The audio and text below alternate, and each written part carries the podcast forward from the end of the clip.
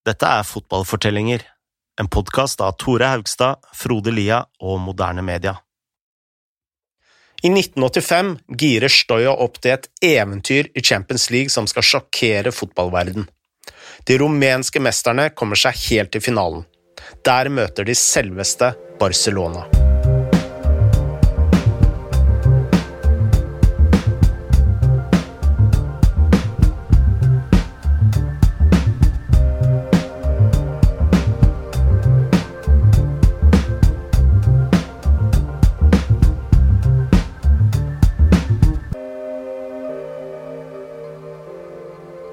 I motsetning til Dinamo Bucuresti og Universitatea Crayola Var det bra, bra uttale, Tore? Ja da. Hadde ikke Stoya altså noe bragd å se tilbake på, eller en historikk da, i Champions League, om du vil? Turneringen besto jo av eh, på den tida rene utslagsrunder, så da Stoya trakk eh, danske Veile i første runde, må de ha fryktet en eh, ydmykende smell. Ja, det var jo høye stakes her. Tenk, Dinamo og Krajova hadde gjort det så bra i årene før, og så krevde Ceausescu at de skulle ja, komme lenger enn semifinalen, og så kunne de ryke ut i første runde. Um, så dette var høyst, stort press, men uh, Romania da, det var jo et land med spioner og, og sånt over store, del, store deler av verden, og nå brukte Støya lignende metoder for å få litt informasjon om, om rivalene. Um, det var jo ikke sånn at de kunne se masse danske lag på TV i Romania på 80-tallet, men uh, Stoya hadde fått tak i to journalister til å skaffe videoklipp uh, av rivalene, og de hadde de funnet på en rekke utenlandske ambassader i Romania. I eh, tillegg hadde en trener som var utrolig flink til å få spillerne til å senke skuldrene. he was like uh, more than a tactician. He was uh, a psychologist. Yeni, the manager, he was so such a good person uh, that players respected him and uh, and gave their all for for him and for Steaua because of the way they were treated by by Yeni. Yeni was uh, an absolute is because he's still alive He's an absolute gentleman, and I think his uh, contribution was was vital. Also, he came uh, after some uh, after uh, some managers, uh, a manager who was very tough with the players, so they could really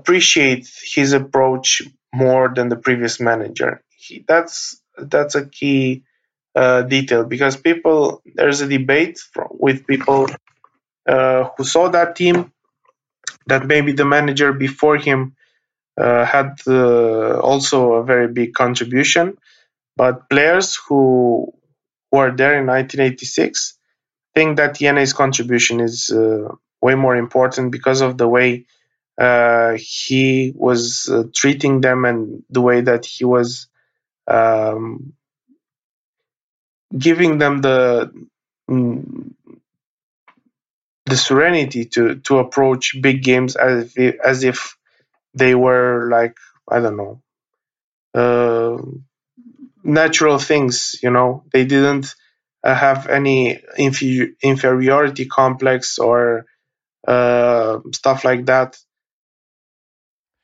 Når vi hører fra Roso her, så syns jeg Genai fremstår som en litt sånn lun Carlo Ancelotti-type. Som liksom, ja Jeg vet ikke om han vitser så mye rundt, men uh, en som liksom får folk til å slappe av selv når presset er veldig stort. da. Mm. Uh, og det kommer jo veldig godt med i, i sånne turneringer.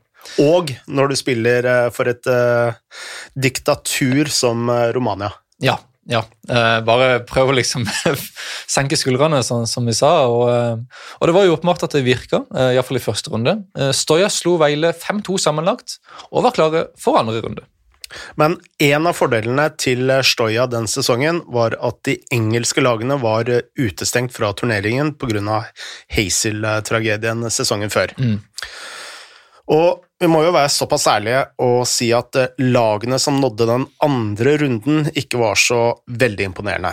Altså, du hadde jo lag som Bayern München, Juventus og Barcelona, men ellers var det veldig mange mindre lag. Det var det, eh, med all respekt til disse lagene. Uh, Iallfall om du kjenner dagens eh, Champions League-historie og er vant med å se navnene der.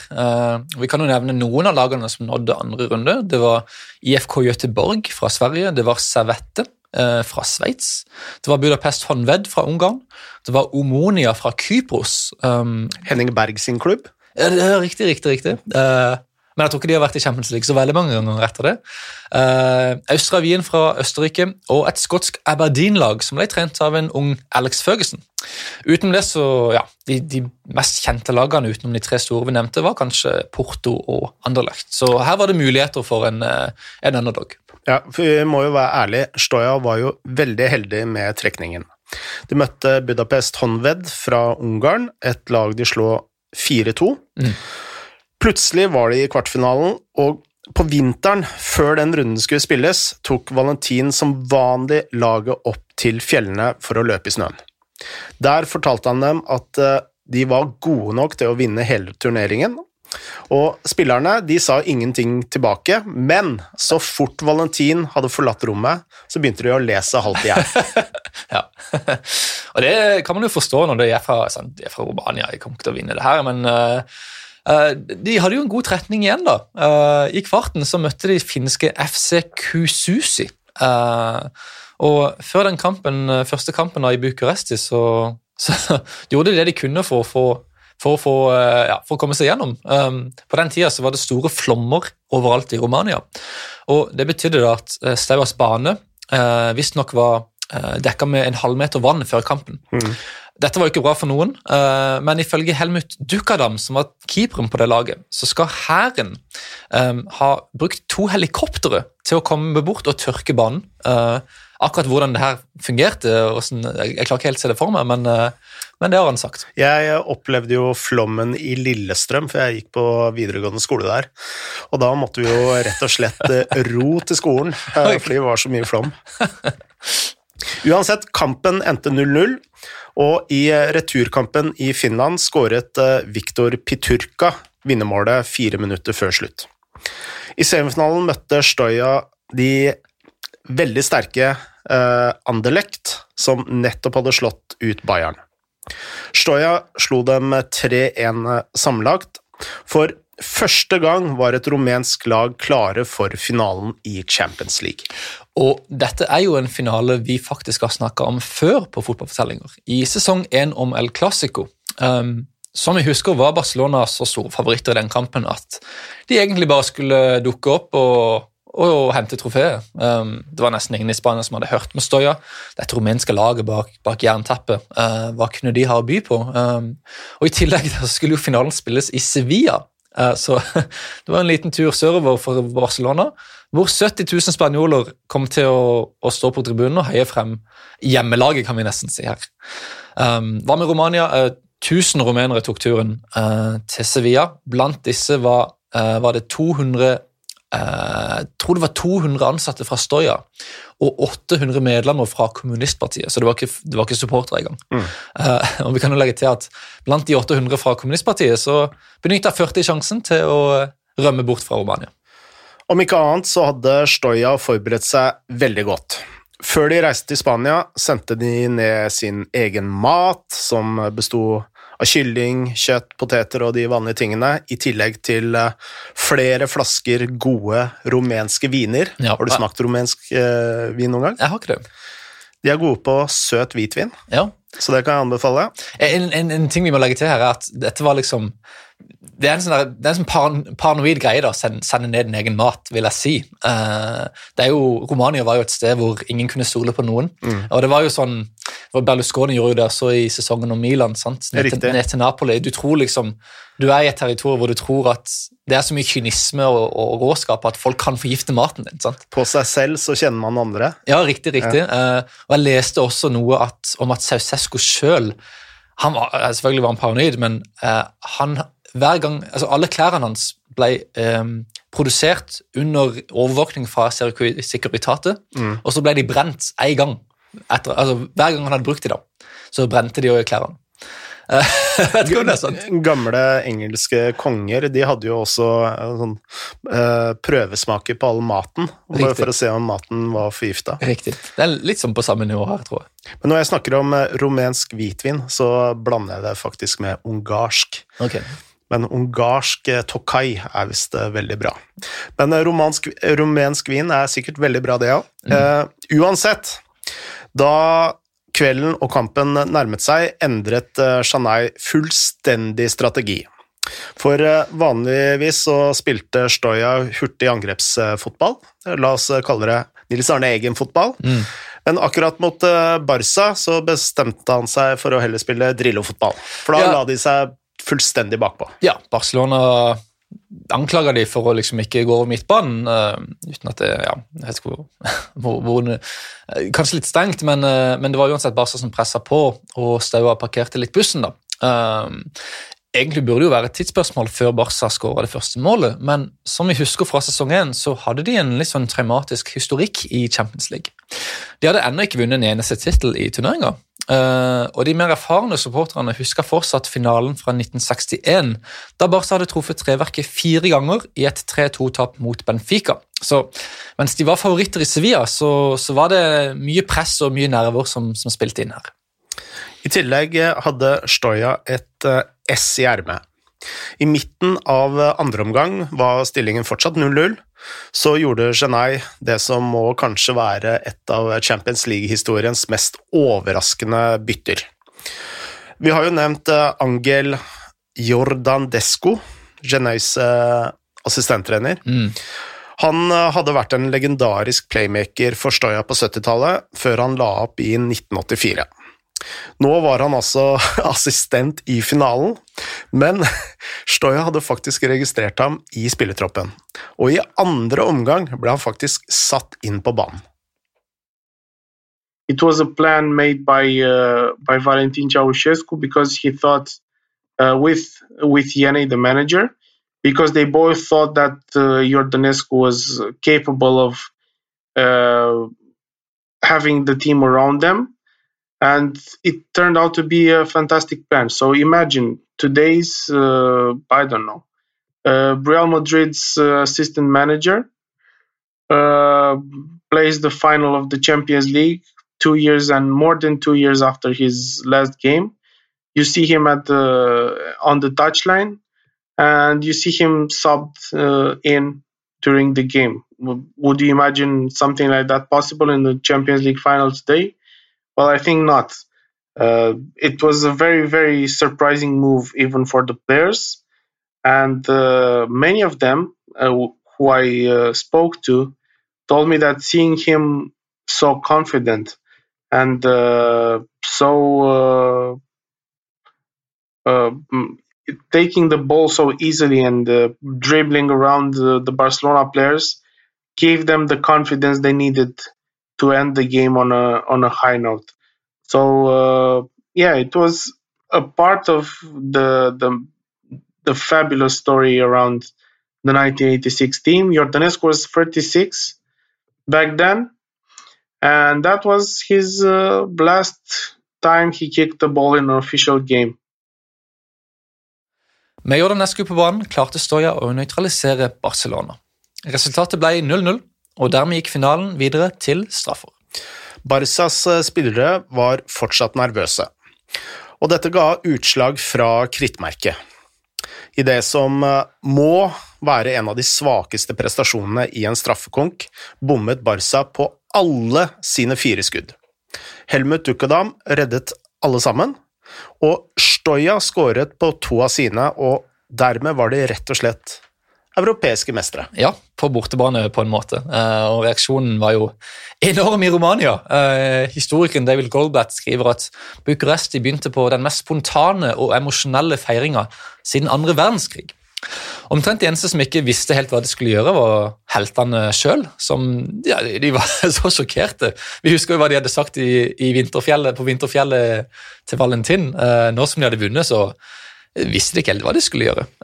De dro tilbake til hotellet, drakk et par eh, glass hvitvin, og så gikk de bare til sengs. Eh, Og vi hører jo liksom historier om, om lag som vinner, og som fester klokka seks på natta og sånn. Eh, De gikk og la seg. ja, de gikk bare og la seg. Men det var da første dagen, dagen etterpå at de virkelig feira, og det, jo, det virker jo nesten som om de trengte noen timer da på å få det til å liksom synke inn litt. da. Ute i Sevilla ble spillerne hyllet av fans fra Betis og Sevilla, som var fornøyde med at Barca hadde tapt. Da laget fløy tilbake til Bucuresti, hadde 30 000 mennesker møtt opp på flyplassen. Laget ble også lovet eh, fine presanger av regimet. Disse viste seg å være ARO-biler, altså skranglete firehjulsdrevne jeeper som allerede hadde blitt brukt av militæret. Ja, og som var så ubrukelige at de bare solgte de videre. Visstnok. Uh, innen dette skal spillerne også ha møtt Sausescu sjøl, som de hadde truffet like etter finalen. Og Hermin, man skulle tro at Sausescu var i ekstase uh, nå som denne vanvittige seieren hadde gitt regimet hans så mye kreditt internasjonalt. Men uh, han var ganske kald, faktisk, og, og klaga på at de hadde gjort han nervøs. Uh, nervøs. Um, faktisk sa han dette. Det hadde vært bedre om dere hadde vunnet finalen innen ordinær tid. Hadde Romania hatt et eh, hvilket som helst eh, annet regime, hadde nok Stojas lag sannsynligvis blitt solgt av gårde til de store klubbene i Europa. Men Ceaucescu krevde at stjernene ble i Romania helt til de nådde 30-årene. Og dermed fortsatte Støya sin dominans i rumensk fotball. Ja, eh, mens de hadde vunnet Champions, så hadde de også sikra seg en andre strak ligatittel. Og før den neste sesongen da, så eh, var laget omtrent det samme som før, eh, men ikke alle ble med på, på den neste reisen. da. Et av unntakene var keeper Elton Dukadam, som hadde operert høyre arm like etter finalen. Han prøvde å, å riste av seg skaden og sånn. Eh, Det var faktisk en historie om at han, han ble i, i klubben helt til Um, den inter, inter interkontinentale cupen mot River Plate, som jeg tror var i desember. Um, og Han dro ned da, han var fortsatt skada, men uh, han ville liksom vise pressen da at han fortsatt var fit. Så han fikk et par fotografer til å komme hen til målet, og så begynte han å slenge seg frem og tilbake for å vise liksom, «Ja, jeg er ikke skada. Men han slang seg alltid ned på venstre armen, da. fordi høyre armen var helt ødelagt. Uh, og det her gikk jo ikke for Dukadam. Uh, han, måtte opp, han måtte gi seg. Uh, doktoren sa bare at ja, det her er for farlig for deg til til å spille videre. Dermed var vel Dukadam helt uh, verdiløs for Stoja. Og Dukadam han eh, forlot laget og ble i tillegg kasta ut av hæren. Senere eh, kom det rykter om at Niku Ceausescu hadde faktisk skutt ham i armen. Altså at han hadde faktisk skytet i keeperen sin. Eh, men eh, Dukadam har senere avbekrefta dette her. Han turte kanskje ikke noe annet. Nei, Men det sier litt om Niku at, Niku at dette faktisk kunne vært sant. Ja. Uh, ja. Uansett, fallhøyden var veldig stor hvis du var stjerne i Stoja. ja. Uh, alt uh, i- på sommeren og så helt ute i kulda et halvt år senere. Uh, vi skal se videre da på hvordan det gikk med Stoja uh, i denne neste sesongen, men før det så må vi ta med en veldig viktig signering de gjorde i høsten 1986. Sesongen før hadde det slått gjennom en 19-årig midtbanespiller som spilte for Sportul Studentesk. Han het Georgi Haji, og dette var ikke noe sånn tilfelle hvor folk, sånn Harry Kane-greie, hvor folk liksom ah, Blir han god eller ikke? Vi er ikke helt sikre på om han kommer til å slå gjennom. Har han det? Alle, alle i hele Romania kunne se på at Haji kom til å være veldig, veldig Ja, for han er jo verdens deiligste fotballspiller. Han er veldig, veldig god. Uh, Dette førte selvsagt til interesse fra Stoja, som gjerne ville sope inn alle de beste spillerne i Romania. Og før de skulle spille den europeiske supercupen mot Dynamo Kiev, lånte de Haji kun til den kampen. Ja. uh, og vi må jo kunne si at dette var en veldig rar deal, men eh, Kostin Stukan fortalte oss at eh, Niku Ceausescu var en venn av Sporthul, noe som hjalp Valentin med å låne Haji. Stoya vant senere kampen med et frispark fra Haji, og da bestemte Stoya seg like gjerne for å beholde gullgutten. Vi kan jo eh, forestille oss at eh, Rosenborg, eh, la oss si Brauta, kjempetalent, plutselig slår han gjennom på Molde. Og så før de skal spille en kvalik i CL eller noe, så bare sier Rosenborg ja, vi låner han til den kampen her. Og så skårer han hat trick, og så bare nei, vi beholder han. for det var det som skjedde her. Staua de, de, de gadd ikke å sende han tilbake til Sportul. De sa bare at ja, vi tar han. Og dermed signerte Stoja altså tidenes beste rumenske spiller helt gratis. Og så kan man jo spørre seg hva gjorde Sportul i protest mot denne ekstremt urettferdige overgangen? nothing. What kind of protest protest you uh, could you do in a in a country that was run by Securitate? No, you, you had no chance to, to do anything against it. Nothing. I mean, okay, every club in, in Romania had some strong people behind it. I mean, if uh, a, a, team from outside Bucharest uh, wanted to to bring players okay, they could bring good players, but only the players that Steaua and Dinamo couldn't pick. Because the teams from outside Bucharest also had local uh, communist uh, figures behind the club, but not the top figures. I mean, they were just local uh, party officials, good, uh, strong party officials, but not the, the party officials from Bucharest which were the top guys, top shots, you know, in, in Romania. So the, the other clubs had nothing to say, couldn't say anything, couldn't protest, nothing. Da Haji kom til Støya, hadde han allerede en eh, rivalisering med en av spillerne.